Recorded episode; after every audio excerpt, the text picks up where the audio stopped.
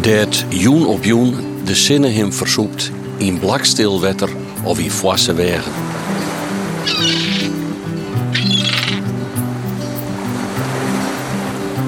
Verhalen van het Waad.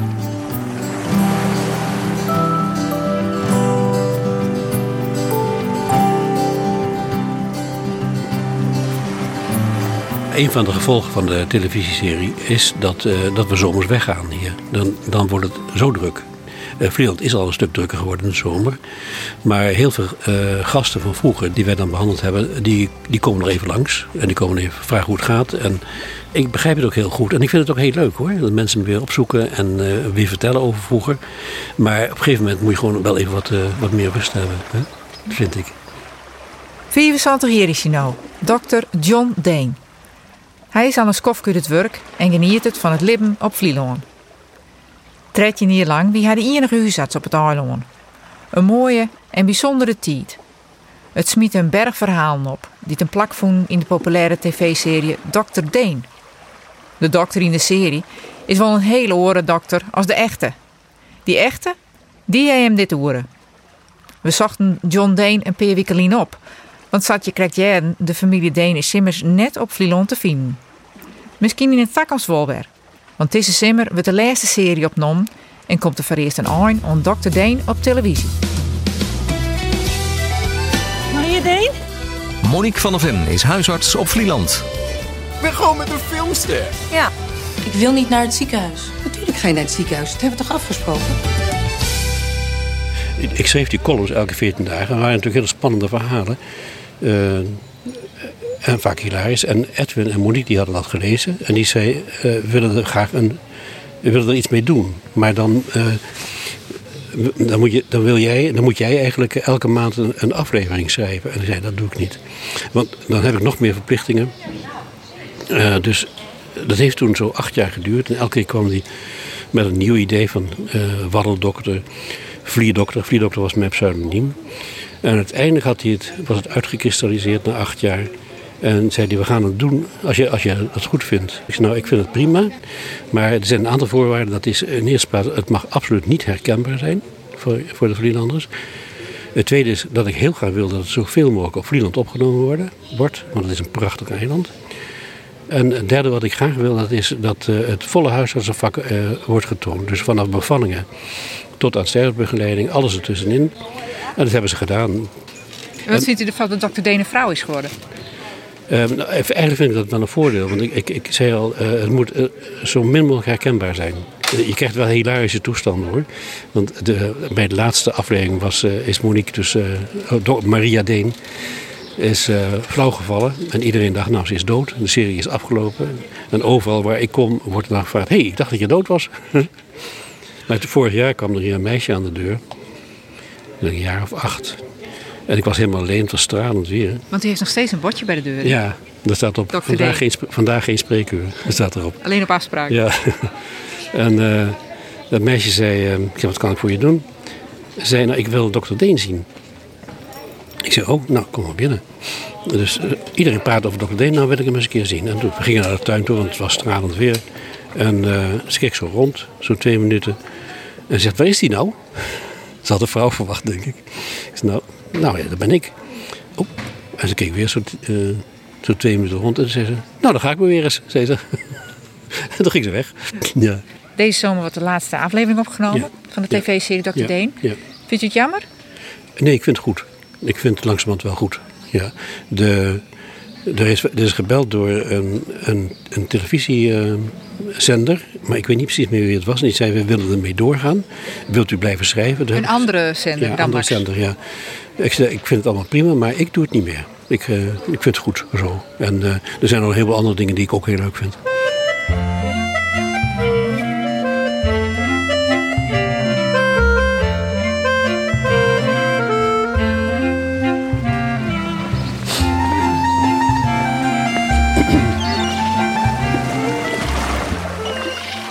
In 1991, eind 1991 kwamen we hier aan.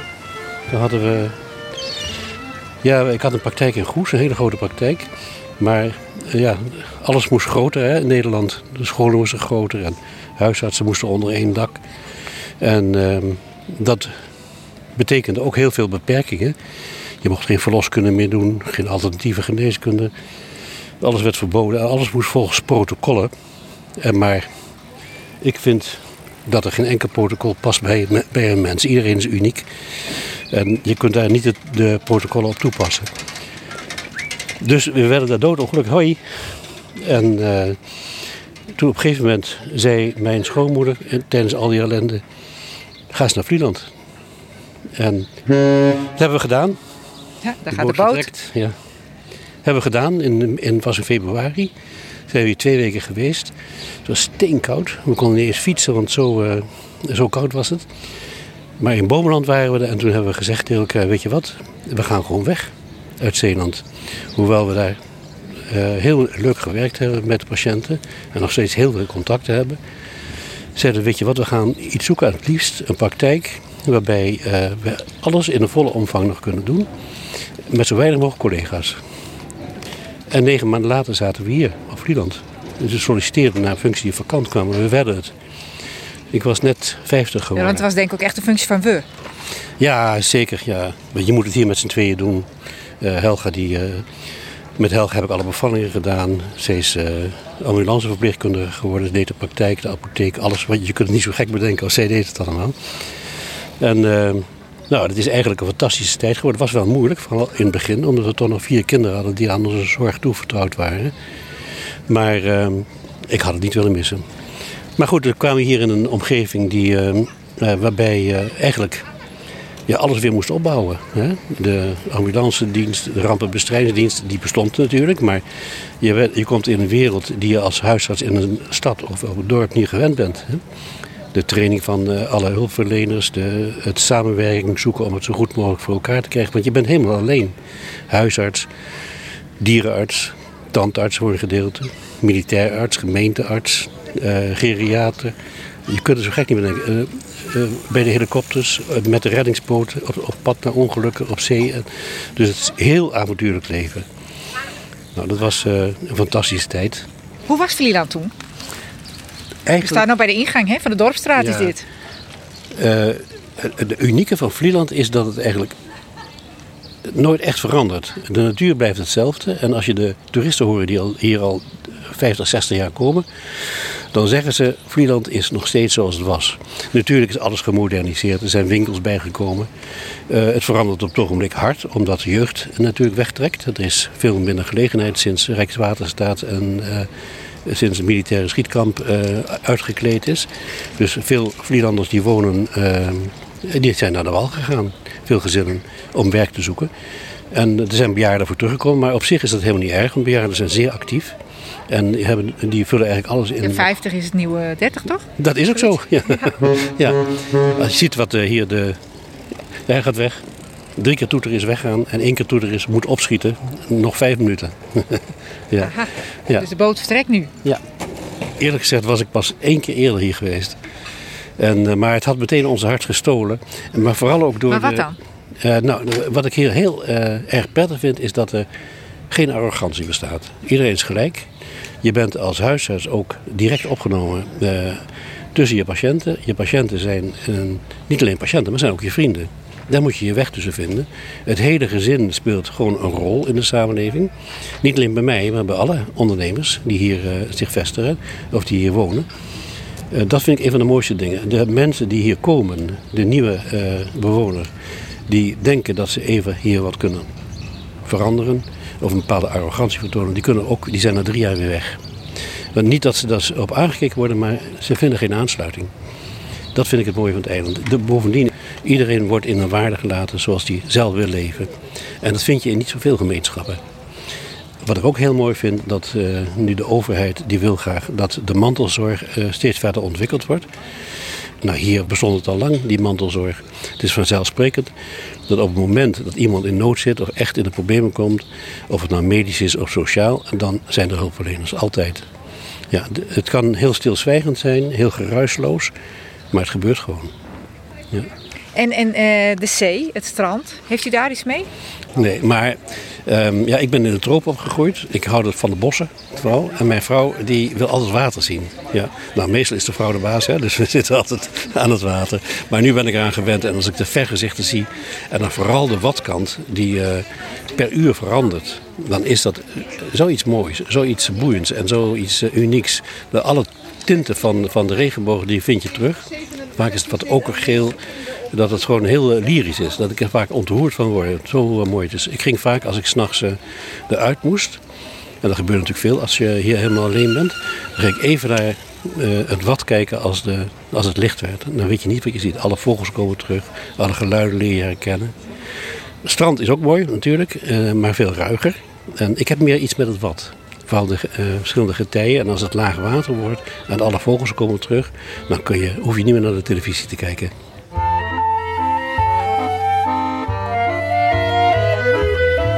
Zullen we het dorp eens even Ja, ja. U bent opgegroeid in de tropen? Ja, ik ben in Sumatra opgegroeid. Uh, dat was niet de leukste tijd van mijn leven, want vlak uh, nadat we geboren waren zijn we in de Jappenkampen terechtgekomen. En, U en uw familie? Ja, mijn ouders. Uh, ja, mijn vader ging dan naar het mannenkamp. En wij gingen met onze moeder naar het vrouwenkamp. Daar hebben we ongeveer vier kampen gehad.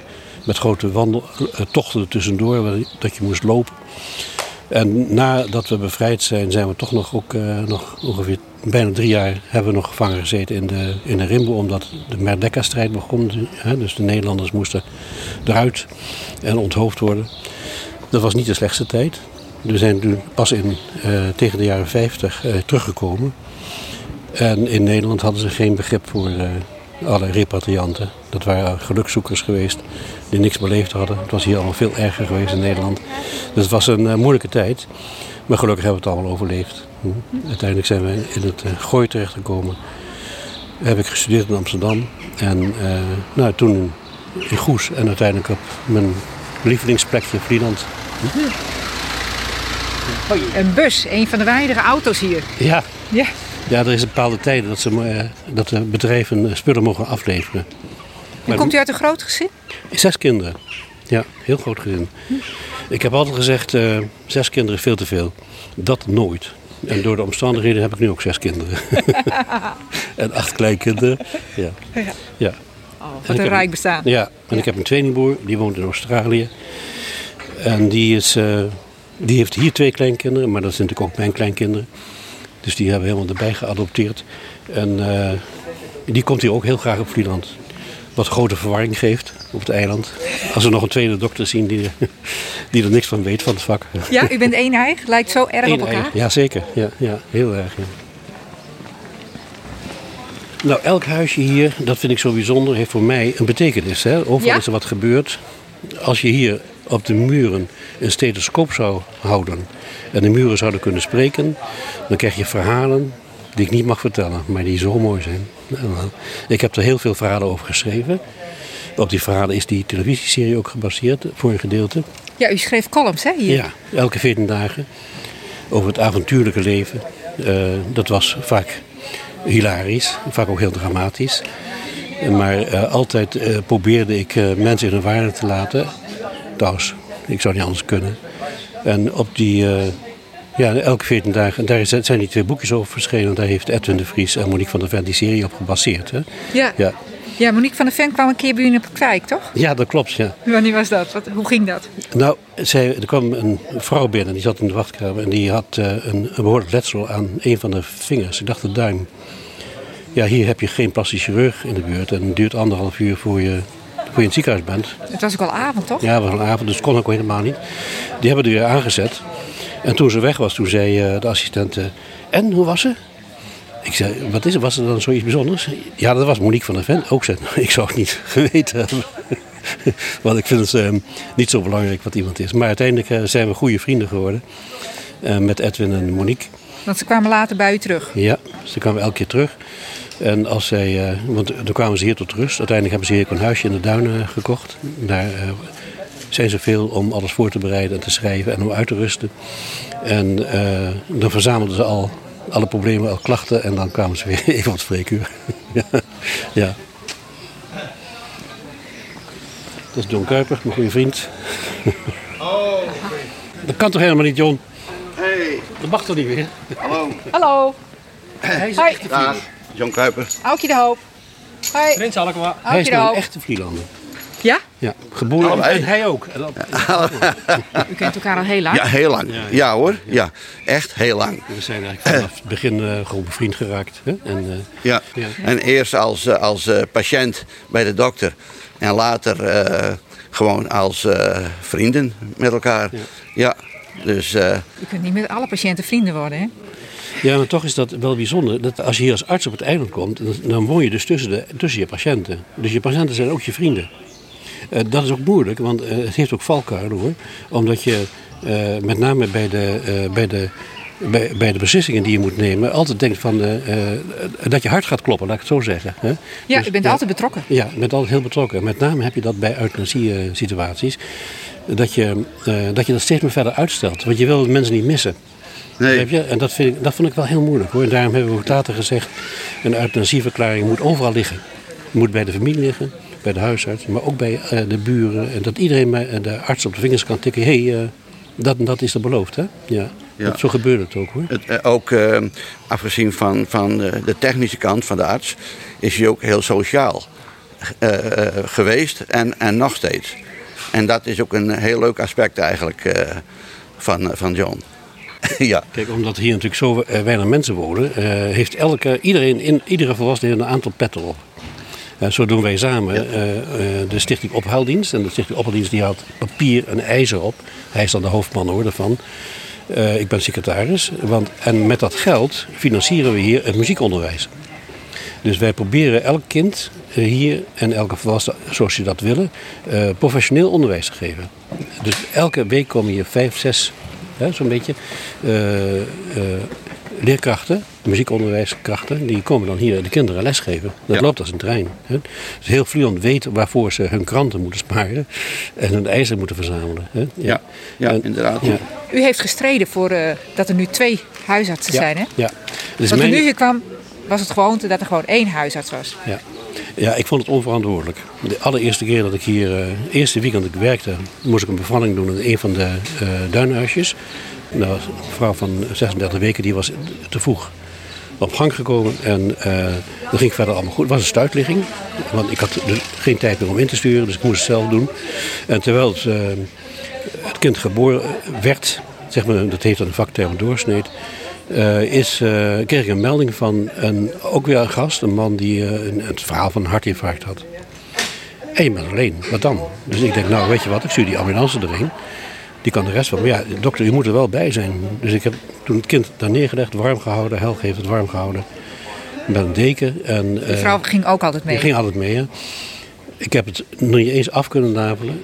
Ik ben eerst naar het andere spoedgeval geweest. En eh, daar hebben we. eh, die man was al bewusteloos, we moesten intuberen en moesten infuus aanleggen. Maar ik, ik, ik ben me rot. Dus vanaf dat moment hebben we met alle eh, hulpverleners hier, paramedische hulpverleners, hebben we elke zaterdag getraind. Ik wilde dat iedereen kon intuberen, infusen kon aanleggen. Ja, nu mag het allemaal niet meer. Hè? Maar in die tijd was het dringend noodzakelijk. Nou, dat is fantastisch gegaan, want binnen een half jaar eh, beheersten ze alle noodzakelijke ingrepen in acute situaties. En eh, konden ze het haast ook zonder mij. Hm. Eh, later is dat allemaal veel verder ge- geëvalueerd en ge- geavanceerd geworden met radiografische ECG-apparaten en defibrillatoren. Waarbij alle handelingen meteen werden doorgestuurd naar het MCL. Dus een goed getrainde reddingsmaatschappij en, en de, de helikopters die aangepast werden aan de ambulances. Ja, het was een, eh, in het begin hard werk om het allemaal op één eind te krijgen. Maar ik moet eerlijk zeggen, ik heb het natuurlijk niet alleen gedaan, want alle hulpverleners deden enthousiast mee. Ja. Maar wat zult u geschrokken zijn het eerste weekend? Schrik, was verschrikkelijk, ja. Ik schrok En uw me echt vrouw. Ja, ja, dat had ik natuurlijk nog nooit meegemaakt. Want als je in de stad werkt, dan bel je 1 en 2 en dan komt er een ambulance en die neemt de zaak over. Ja, dat is hier, eh, ja. Maar hier, eh, iedereen zag dat wel. Dat eh, als er zo'n noodsituatie was, er kwam van alle kanten kwam er, kwam er hulp. Hè? Met name Frans Horrius heeft in die tijd heel veel gedaan voor ons. Die is overleden. Was de kapitein van de boot. Het boegbeeld van Vlieland in destijds. Als je die belde, dan kwam die en dan regelde die alles. De Koegelweek, de helikopter, alles wat. Zeker bij een gecompliceerd ongeluk waarbij meerdere slachtoffers waren. Ja. Ja. Want u schreef toen een brief naar de minister. Nou, we hebben het Ik denk dat we wel... eh nou, hoe lang? U kwam echt in het 15, nieuws met deze actie, toch? Ja, ja, ja, zeker. Ja, nee, we 2001 hebben allerlei besprekingen gehad met, eh, met de college van ziekenkostenverzekeraars, met het ministerie en dergelijke. En iedereen zei ja, het is noodzakelijk, het is noodzakelijk. Maar als het op de uitvoering aankwam, dan gebeurde het gewoon niet. En later hoorde ik van het ziekenfonds, toen dan eh, mijn opvolger geïntroduceerd moest worden, eh ziekenfonds in Friesland. Ja, zei hij natuurlijk, maar als alles goed gaat, dan doen wij helemaal niks. Hè? Ik zei ja, maar dat is wel leuk. Hè? Want dat is, eh, het was toch wel behoorlijk riskant, hè? als ik hier alleen zeg. Natuurlijk. Hè? Ja. En, en als hij een keer naar de wal wilde of weg moest, Ja. voor wat dan ook, dan, dan kon hij eigenlijk niet weg, omdat er dan helemaal geen arts was. Ja. Nee, u was echt gevangene. Ja, Ja, ja, Nou, zo moet je het wel, eh, zo kun je het wel stellen, inderdaad. Ja, eilanden zei dokter Deen is de enige gevangene van het eiland. Ja, Toen. maar afgezien van de twee huisartsen heeft hij ook gezorgd dat er hier een ambulancedienst was en een gorddienst, om het zo maar te zeggen. Of zeg ik dat Dat goed? bestond wel, maar die hebben we verder ontwikkeld. Hè? Verder Ja, ontwikkeld, ja, nou ja. duidelijk ontwikkeld ook. ja, ja. Ja hoor, met allerlei eh, eh, eh, cursussen die eh, daarvoor eh, waren. Heeft u dat allemaal eh, gestimuleerd en dat werkt nog steeds. De eilanden natuurlijk. zijn, zijn zo lief geweest voor mij. Echt waar, dat klinkt misschien een beetje overdreven. Maar de eilanden hebben mij nog nooit voor niks uit bed gewild. Dat gebeurt natuurlijk door de gasten heel veel. Ja. Die zijn natuurlijk anders gewend. Maar de Vlielanders, helemaal niet. Op maandagmorgen kwamen de mensen met hartklachten. Van ja, ik heb van een week zo'n pijn gehad. Maar ik dacht, ja, u heeft uw rust hard nodig. En hadden ze een hartinfarct gehad. Of ze moesten op, ogenblikkelijk gedotterd worden. Nee, dat was van de Vlielanders. heb ik alle medewerking gehad. Hoor. Altijd, ja. ja. Heel, eh, eh, ook zorgzaam. En eh, ja, dat was, was fantastisch gewoon. Een prachtige tijd. Hè? Ja. Ja hoor, ja, je hebt een, een, een prachtige tijd gehad, maar ook een hele zware tijd. Gewoon door die 24-7 eh, dienst die je altijd moest draaien. Maar ja, je was er ook altijd. Eh, eh, eh, En, en, en afgezien van, van de patiënten had je natuurlijk ook nog je dieren Ja. die je behandelde. Ja. Paarden en honden en katten. Ja. Dat waren allemaal van die bijkomstigheden die er als huisartsen hier op Vlieland eigenlijk niet, ja, ook bij, bij waren. Maar daar, verder was verder niks voor. Ja, als er een hond geopereerd moest worden, deden we het in de achtertuin. En als er hulp nodig was, dan kwam er wel iemand bij. Ja, want ik heb het e- de eerste keer in de praktijk gedaan, maar dat gaat zo stinken. Dan kreeg je een, een week er niet meer uit. Paarden die werden voor de deur behandeld.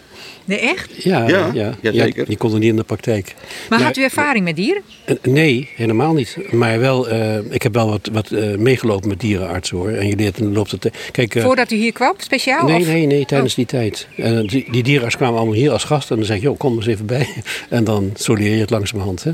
Maar over, overigens is de geneeskunde niet veel anders. Ze zeggen alleen niks terug, zeg ik altijd. Hè. En voor de rest is, is het ongeveer wel... Kan je het wel vergelijken. Je moet wel een beetje oppassen.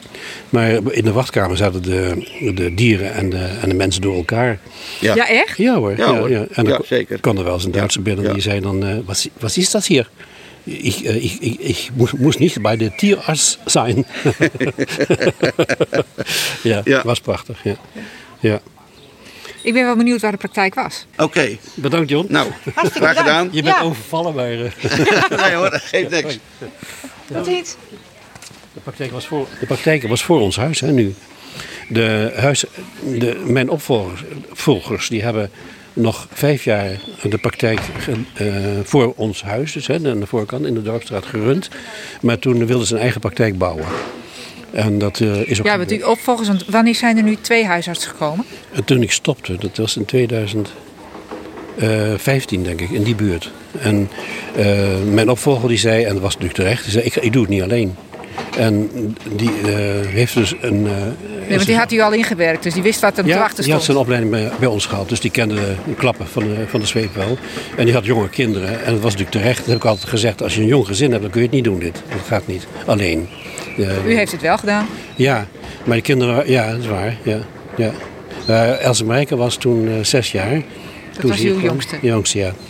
En de oudste, die waren, nou, dat was acht en, en, en twaalf jaar. Dus die waren, veel zelfs, die waren heel zelfstandig ook hoor. En eh, de kinderen hier op het eiland zijn allemaal behoorlijk zelfstandig. Ze leren koken bijvoorbeeld op school.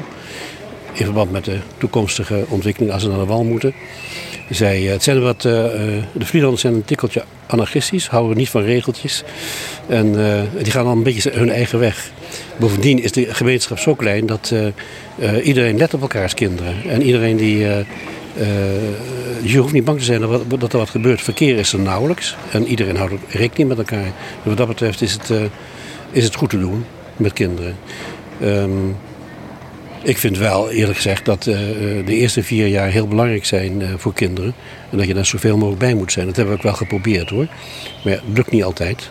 Mijn kinderen zijn het gewend. En ze zeggen nu van, uh, papje was er altijd, papa en mama was er altijd als we, als we je nodig hadden. dat is natuurlijk zo. Hm. En misschien vinden ze het ook wel eens prettig zonder vader en moeder. Hè? Je vertelde net, als je hier op Vlieland woont, heb je verschillende petten op. Dat kan niet anders. Ja. Wat voor petten heeft u allemaal gehad? Of nou, in, in, in, die tijd had ik natuurlijk vele petten. Dan was je dus uh, rampendokter maar, en dan gewoon al die functies die ik genoemd heb. Maar ik was ook buitengewoon ambtenaar van de burgerlijke stand. Dus, uh, oh ja, trouwde, u trouwde hier ook? Ik trouwde mensen, ja. Maar ik was ook voorzitter van de fanfare. Uh, waardoor je weer hele andere functies hadden. En, en ja, voorzitter van, van bepaalde commissies. Ehm, maar, en zo heb je hier allemaal de taken die verdeeld worden. Dus je hebt een heleboel pet op. Maar dat moet ook wel, want uh, er gebeurt heel veel. Er moet voor toerisme ook veel, uh, veel gebeuren. Dus uh, het werk moet gedaan worden. En bovendien is het vaak heel leuk en heel gezellig. Ja. Mhm. ja. Hm. dit is bijvoorbeeld een nieuw huisje hier. Maar het is helemaal in de oude stijl opgebouwd, hè, dit huisje. Ja, ik zie het. Ja. Dus daar heeft u nog niet een verhaal? Nee, maar dit heeft, dit heeft Pichel mee. Ook een heel bijzonder verhaal. Daar wonen de oude bankdirecteur, een van de pioniers van het eiland. Die uh, de Rabobank hier opgezet heeft. En de Rabobank is vertrokken. En hij is eigenlijk een paar maanden later overleden. Want uh, dat, hij had, had, onder andere daarvan heel veel verdriet. Want dus de, al die ondernemers die hier het eiland groot gemaakt hebben. En dan verdwijnt zo'n instantie die, uh, waarbij ze ziel en zaligheid ingelegd hebben. Die alles gefinancierd heeft. Dat is verdrietig. Dus net als met Rijkswaterstaat wonen hier, dit, wonen de, de, het hoofd van Rijkswaterstaat woonde hier in dit huisje.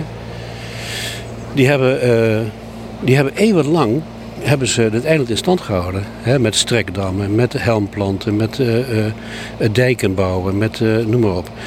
En met één pennenstreek is dat in een jaar of 15 geleden is het geschrapt. Gingen ze alles volgens het begrip dynamisch kustbeheer doen. Dat is als er dus die verraderlijke stromingen langs de, kusten dat zand weggesleept heeft, dan moet er weer nieuw, nieuw zand bij. Daar wordt op, dat is het enige wat nog gedaan wordt. En voor de rest, dus die, die, die, die uh, Rijkswaterstaters, die daar uh, hun leven lang gewerkt hebben, die hadden er echt heel veel verdriet van. De meesten zijn ook weggegaan. Allemaal, ja. Kijk, daar zit Helene. Helene was dus het hoofd van de ambulance. Hè? Toen ik hier kwam. Helene, we komen je even overvallen. Ik heb net een verhaal over jou verteld. Dat jij hoofd van de ambulance was. Heb je niet gelogen dan? Hallo, Oudje de Hoop. Helene Rommens. Weet u nog de kennismaking met dokter Deen? Ja, we zaten bij Bruin. Dokter Kruid nam afscheid. En eh, we zaten daar. En toen op een gegeven ogenblik ging er een telefoontje van... Er was een patiënt. En hij had eigenlijk al dienst. Het was de eerste patiënt was een hond, hè? Ja. Ja, de eerste patiënt was een hond. Dus uh, hij komt meteen oh, bij, het afscheid van de ene dokter. Ja. en ik dacht, nou, het ging over de piepen. En ik denk, nou, ze maken een grapje natuurlijk. Ze proberen hem even uit te... Dus ik ging niet. Maar na een, eh, een, kwartier kwam de dokter Deen moet nou toch wel dringend naar de praktijk, want daar is een hele zieke hond. Dus ik erheen. Stond er Moest een niet lachen? Ja, er stond een, auto, een hond, uh, auto voor de deur van een jager. En die uh, hond die was onder struiken geduikt. Die had een, een nekletsel, denk ik, was bewusteloos ja, wat moet, wat moet ik hier nou mee aan? Dus we hebben gebeld met de dierenarts in Terschelling, geloof ik. Hè? Die uh, zegt, ach collega, zei die, in de dierengeneeskunde zijn er maar twee eh, medicijnen die je kan toedienen. Dat is antibiotica en corticosteroïden, prednison.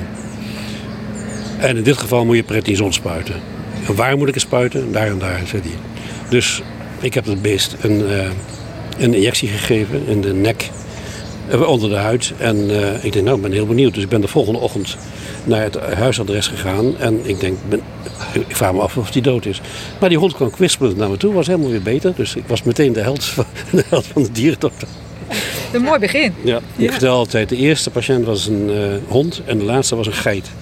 Ja? De hond heeft overleefd en de geit niet. Nee, uh, dat kan ja. Ja. ja. Okay. Hoe, hoe was de samenwerking? prima. Ja hoor, hartstikke goed. Het is zelfs zo dat ik, het is zelfs zo dat ik Helene, eh, als ik alleen in de praktijk was en ik moest hechten of iets dergelijks, dat ik haar riep en dan kwam ze assisteren. Ja, belletje van, eh, kan je even langskomen? Nou, ik kan eventjes helpen. Ja, ging goed hoor. Ja. Heeft u ook met de vorige dokter samengewerkt? Eh, ja, maar toen was het ambulancegebeuren. Zat toen, kijk, het ambulancegebeuren die was eigenlijk in 1980 goed opgezet. En eh, toen werd op een gegeven moment kregen ze nieuwe richtlijnen dat iedereen moest opgeleid worden. Nou, dat was net in de tijd dat dokter Deen hier kwam.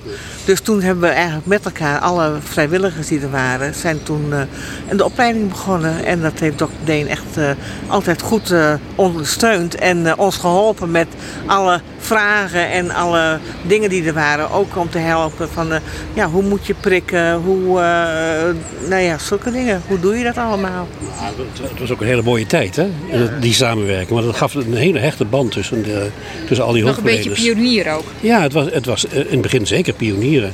Want je weet wat, ook zelfs de, de chauffeurs moesten leren intuberen hè, en leren uh, uh, infusen aan te leggen. Want ik was alleen, dus het moest gewoon. Hè, ja. En dat deden ze met verve hoor, en heel goed zelfs. Ja, ja. Had u het idee dat uh, dokter Deen erg moest wennen hier? Nou, ik geloof het niet. Nee. Nee, ik geloof het niet. Hij was uh, de Zeeuwen gewend, dus nou, dat, dus volgens mij is dat hetzelfde slagvolk. Moest u wennen aan dokter Deen? Nee, eigenlijk ook niet. Ik geloof het niet, John, hè? Dr. Deen probeerde wel iedereen een beetje van de drank af te krijgen. Maar ja, dat is hem helaas nooit gelukt. Dat is alleen maar het spreekwoord geweest van uh, Dr. Deen. We nemen er nog één. dat houden ze er nog altijd in. Ja, daar had u een hekel aan, hè? Of een hekel aan, maar te. Nou, eerlijk gezegd, uh, uh, als dronken mensen, als je daarvoor uit je bed moest komen. En uh, dan denk ik, ja, waar kun je nou moedwillig jezelf zo in de, in de problemen brengen? Dan was het niet, niet aardig. Nee, dat was echt niet aardig hoor, s'nachts. Als het s'nachts was en er was weer iemand uh, die was echt dronken geweest, of dronken. En hij had daardoor uh, een, grote snee opgelopen in zijn hoofd of in zijn benen of waar ook maar. Dan was hij echt niet, uh, niet amused. Nee, nee, zeker niet. Dronken mensen hebben geen rem. dus dan kwamen ze in de praktijk en dan één op de bank. En dan kwamen er tien van, van hun kornuiten, allemaal dronken, ernaast staan. En dan moest ik wel even optreden van jongens, allemaal naar buiten. Dan mag er één bij blijven. Ja. Maar de laatste keer dat het gebeurde, toen kwamen ze allemaal even door de praktijk en gooiden een tientje in de, op, op het bureau. Van de, oh, die moet ook wat verdienen. Hè? Die hebben we allemaal maar in de KNRM-bus gedaan. ja. Maar heeft hij echt uh, ook een actie opgezet of zo om mensen ja, van de drank af In het begin ja, he, begon ik uh, met, uh, heb ik geprobeerd op scholen acties te ondernemen. En ook in groepen, want er werd echt veel gedronken. Maar dat, nou, wat Helene vertelde, dat leverde maar één resultaat op. Dokter Deen, we nemen er nog één. Dus later heb ik het gewoon individueel gedaan. En dan lukt het veel beter. Hè? Niet iedereen, maar het lukt veel beter. Ja. Wat vonden jullie van zo'n actie? Uh, ja, uh, het had ze goed recht om het te proberen natuurlijk, maar ja. Jullie hadden wel door dat het niks werd? Nou, ik, ik, ik had mijn twijfels erover, laat ik zo zeggen. Ja. ja. Dus dat was altijd wel, uh, ja, was altijd wel leuk. Ja, bijzonder ja. vond ik het al. Ik vond het bijzonder altijd, ja. ja. Dank u wel. Dat u even mee wou praten. Ja, okay. Of wou je nog wat moois nee, stellen? Nee, uh, Anneke, ik ben, uh, ik ben er niet. Okay. Ik ben er niet. Okay. Dat kan in één keer. Waar bent u niet? We zouden te wandelen vanmiddag om half twee. maar uh, ik ben er niet vanmiddag. Een vergadering. vergadering. Oh, jee. Oh, dus. Is het ook weer een... Ja. ja, dat zou ik zeggen. Zijn dit de... Ik hoorde net, iedereen heeft hier zoveel petten op. Nou, ik, ben, uh, ik zit ook in het bestuur van de seniorenvereniging. En we hebben, vanmiddag hebben we een uh, vergadering met de gemeente over het nieuwe uh, huisvuilbeleid. Dus zo blijven we aan de gang. Ja. Hartstikke fijn, dank u wel. Niks te danken.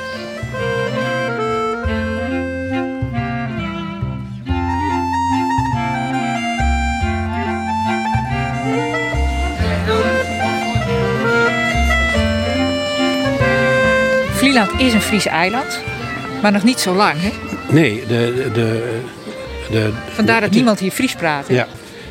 ja, je wordt er een beetje op aangesproken als je, als je Fries praat hier zelfs. Ja? ja.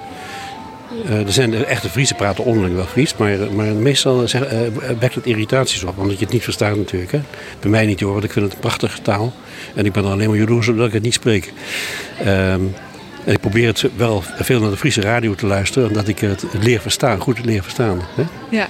ja. Maar toch liever in het Nederlands dit? Ja, dit wel, want anders voel ik me onzeker worden. Want ik kan het natuurlijk niet goed uitdrukken. Ja. En Nee, maar tot 42 was het ook een, een hoorde Ja. Vlieland bij Noord-Holland. Ja, de Duitsers die hebben het eh, bij, eh, bij Friesland eh, gedaan. Eh, als je zegt welk accent eh, vind je hier nou, eh, hoor je hier nou, dan is dat eh West-Fries. Een beetje Amsterdams. Dat, dat accent hoor je. Ja. Ja. Maar eh, langzaam maar zeker komt er steeds meer importers komen overal vandaan. Het is wel grappig dat eh, eh, de, de jonge mensen die hier, op, die hier eh, eh, opgegroeid zijn, eh, die gaan dan weg omdat er geen werk is. En, dan komen ze dan terug als ze oud zijn. Zo zijn er heel veel de hoedemakers en de, eh nou, heel veel andere. Die, zijn, die hebben, eh, sluiten hier een oude dag weer. Dus de jeugd. een Hun werkzame dag. leven zijn ze hier Ja, niet, maar ja. verder. Ja, ja, ja. Dat is grappig. En terecht. Ja. Dat is ook zo'n manier. Hij is kapitein op de grote vaart geweest en nu is hij weer terug. ja. Ja, en je moet natuurlijk iedereen hier gedag zeggen. Want als je dat niet doet, dan belden ze s'avonds op. Is er wat? Ja, echt?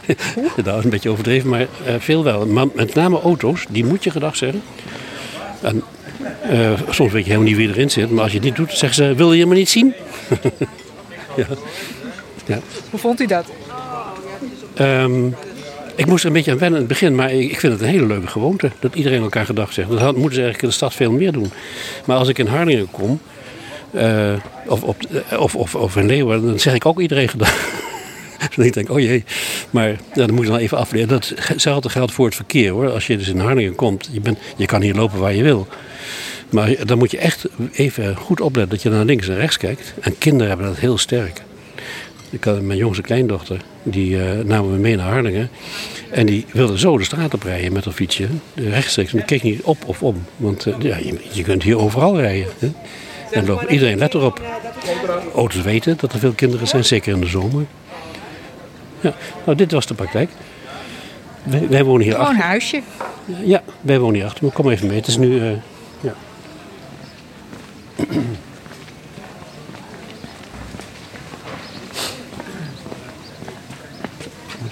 Nummer 73, Dorpstraat. Hallo. Hallo. Nou, dit zijn eh, Wilma en Gerrit. Hallo. Die Wilma en Sjaak. Wilma en Sjaak. Gerrit is die de hebben, achternaam. die hebben eh, ook een, eh, net als wij, een volledig omdraai van hun leven gerealiseerd. Nu een jaar of tien geleden al, denk ik. Eh, we zitten hier nu zeven jaar. Ja. Dus we gaan ons achtste seizoen in. Uit eh Zutphen. Zutphen, ja. ja. En altijd horecaleven gehad, dus het is nu een verademing. Ja, Er is nu een winkeltje. ja heerlijk. Ja, echt. En het gaat goed, dus... ja. Maar dit was uw oude praktijk dus? Ja, dit was de ingang. En Hier was de behandelkamer. Eh, En ja, hier, stond, hier stond dus de...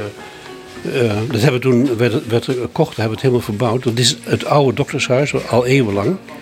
Maar het was altijd van de gemeente. En die wilde er niks aan doen destijds. Toen hebben we het uiteindelijk kunnen overnemen en hebben het helemaal verbouwd. Oh, hier hangt ook een poster van Dr. Deen, van Ja. de tv-serie. Ja, van de serie, ja. ja.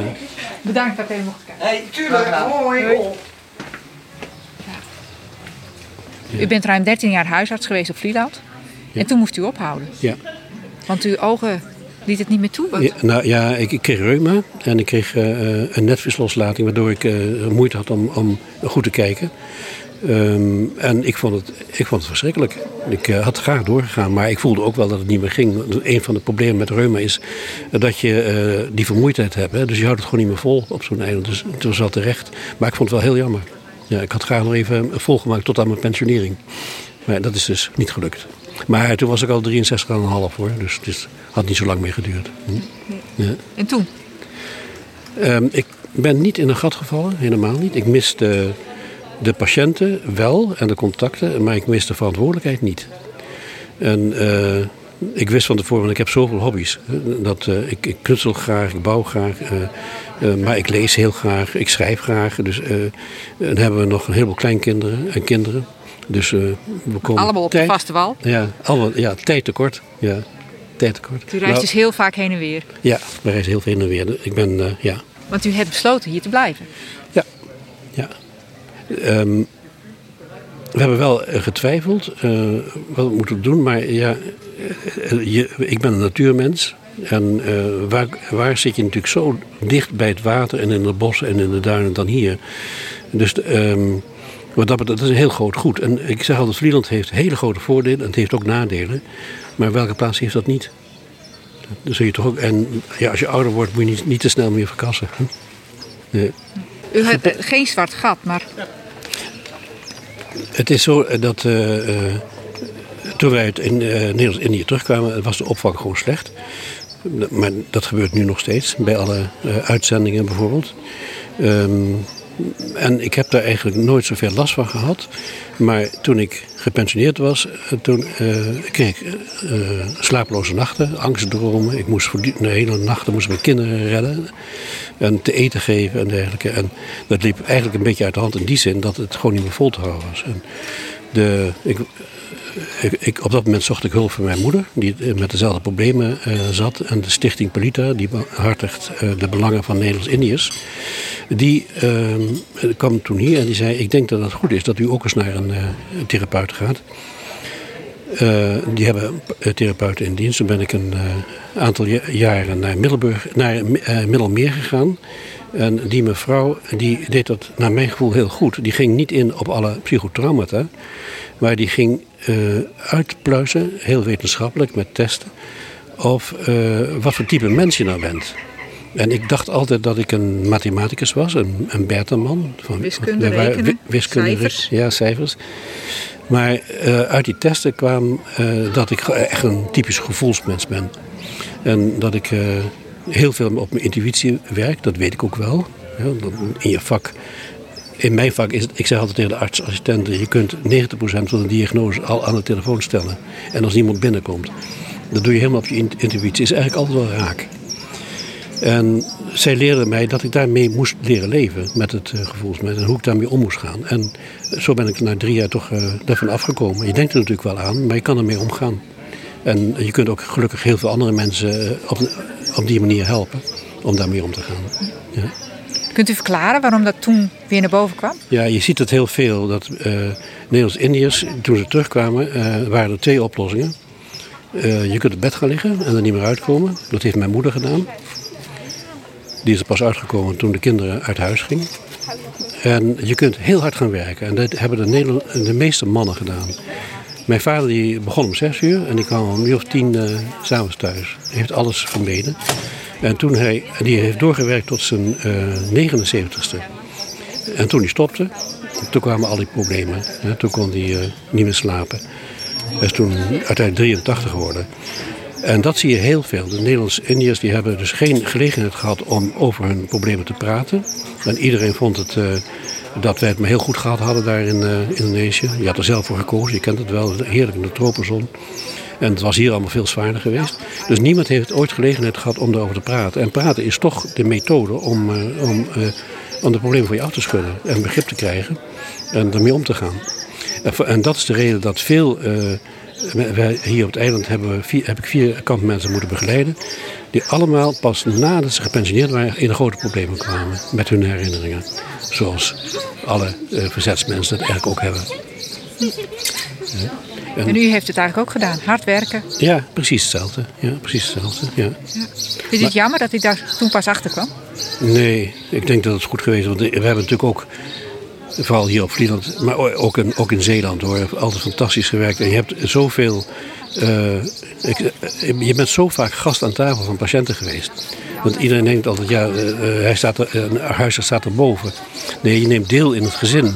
En mijn opvatting is uh, dat je kunt pas een klacht begrijpen als je in de huid van een ander duikt. Waarom ontstaat die klacht? En dan zul je ook nooit meer ergeren. Er zijn veel huisartsen die zich vooral ergeren aan al die psychische klachten. En 90% zegt men dan is psychisch. Daar heb ik nooit moeite mee gehad. Als je echt probeert uh, het gezin te begrijpen en de achtergrond. En waar komt iemand vandaan? En waarom is hij zo geworden? Dan is eigenlijk elk consult is een feest. Hè? Want dan begrijp je dat. En zo heb ik altijd gewerkt. Dus ik heb er nooit... Uh, uh, ik heb al met, daarom heb ik met zoveel plezier gewerkt. En ik ben ervan overtuigd dat de achtergrond met alle problemen die we gehad hebben in de eerste zeg maar, 12 jaar van het leven, dat daar een rol bij gespeeld heeft. Dat je dat op die manier geleerd heeft. Met andere woorden, een, een ellendige jeugd, dat was gewoon zo, eh, heeft ook een hele grote kracht in zich. En dat is de kracht van de ervaring. Wat, wat ga je ermee doen?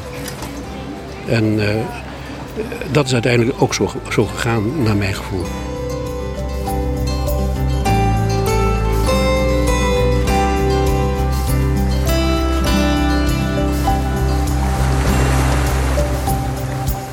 Dr. John Dane, de echte Dr. Dane.